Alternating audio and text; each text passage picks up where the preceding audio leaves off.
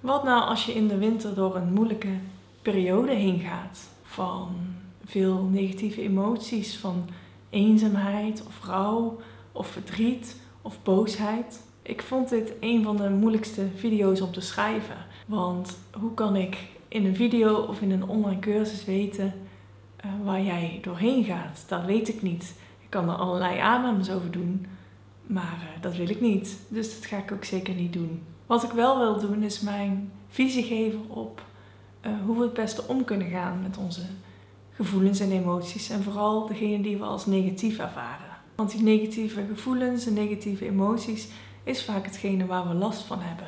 Het is niet zozeer de gebeurtenis zelf, maar meer hoe we daarop reageren. En uh, ja, die emoties die, bij ons, die dat bij ons losmaakt, hoe we daarmee omgaan. En dat wil ik doen vanuit mijn vak als psycholoog, omdat emoties ja, als psychologisch iets, iets is wat in elk gesprek uh, weer naar boven komt.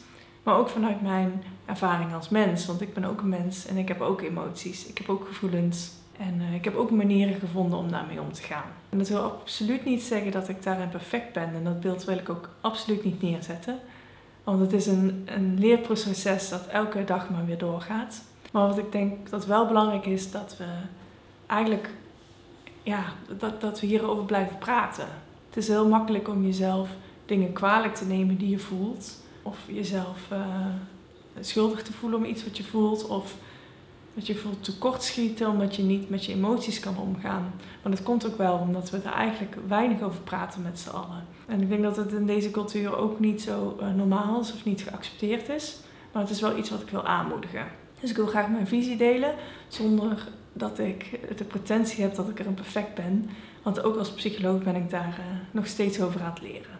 En de eerste beschouwing die ik wil geven over negatieve gevoelens of emoties is dat ze uh, ja, bijna altijd gezien willen worden. Ik las ooit een metafoor over dat emoties zijn als kinderen op de achterbank. Terwijl jij aan het stuur zit. Je bent op weg naar je doel en de kinderen op de achterbank eh, gaan op een gegeven moment aandacht trekken. En aan de ene kant wil je ze niet uh, negeren, want als je dat doet, dan worden ze alleen maar luider. Dan wordt het alleen maar vervelender. Dus je, je moet ze wel aandacht geven. Het is het beste om naar ze te luisteren wat ze nodig hebben. Aan de andere kant wil je ook niet zomaar de kinderen naar voren laten kruipen om het stuur over te nemen. Hoewel dat soms zo wel kan voelen bij intense emoties bijvoorbeeld, dat ze het stuur willen overnemen. Maar dat hoef je ook niet te laten gebeuren. En hoe kan je dan luisteren naar je emoties zonder dat ze het van je overnemen? Of hoe kan je überhaupt luisteren naar je emoties, naar wat ze je te vertellen hebben? En er zijn verschillende manieren voor, bijvoorbeeld erover schrijven. Sommige mensen vinden dat heel fijn. Of mediteren, erover praten. Of gewoon eens stilstaan bij wat voel ik eigenlijk. Het hoeft niet zo groot te zijn. Eigenlijk wat je doet is je emoties de ruimte geven om er te laten zijn. En het zou dan best wel eens kunnen dat als je jouw emotie de ruimte geeft om er te zijn, of dat je er eindelijk eens naar gaat luisteren, dat het jou dan iets heel anders wil vertellen dan je eigenlijk dacht. Ik heb dat ook wel eens. Soms voel ik mijn dag chagrijnig en snap ik niet zo goed waarom.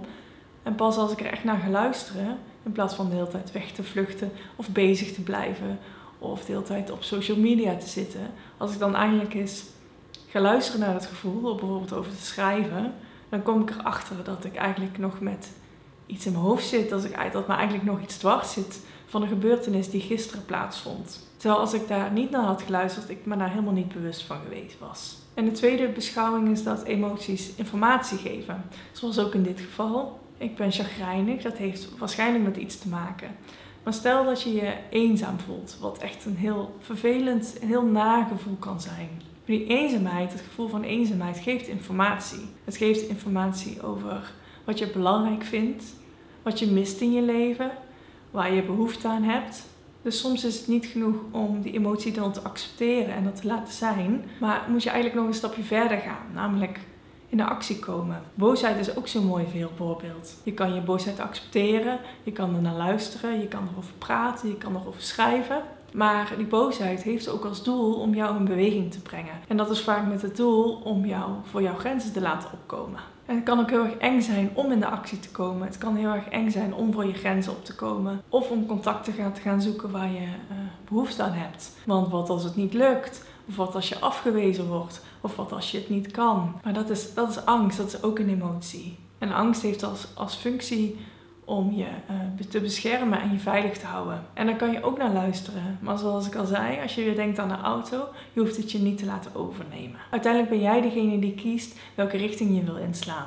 En als laatste, en ik vind het wel echt een hele belangrijke, um, dat is ook iets wat je in de meditatie veel leert, dat emoties maar emoties zijn. En als je er echt naar gaat luisteren en echt naar voelen, dan zul je ook merken dat emoties, dat je die in, het, uh, in je lichaam kan voelen. Ze zijn ook heel erg tijdelijk. Als jij nu zou opschrijven wat je uh, per dag voelt en je zou over een jaar terugkijken naar wat je opgeschreven hebt, dan zou je denken: oh ja, dat voelde ik toen.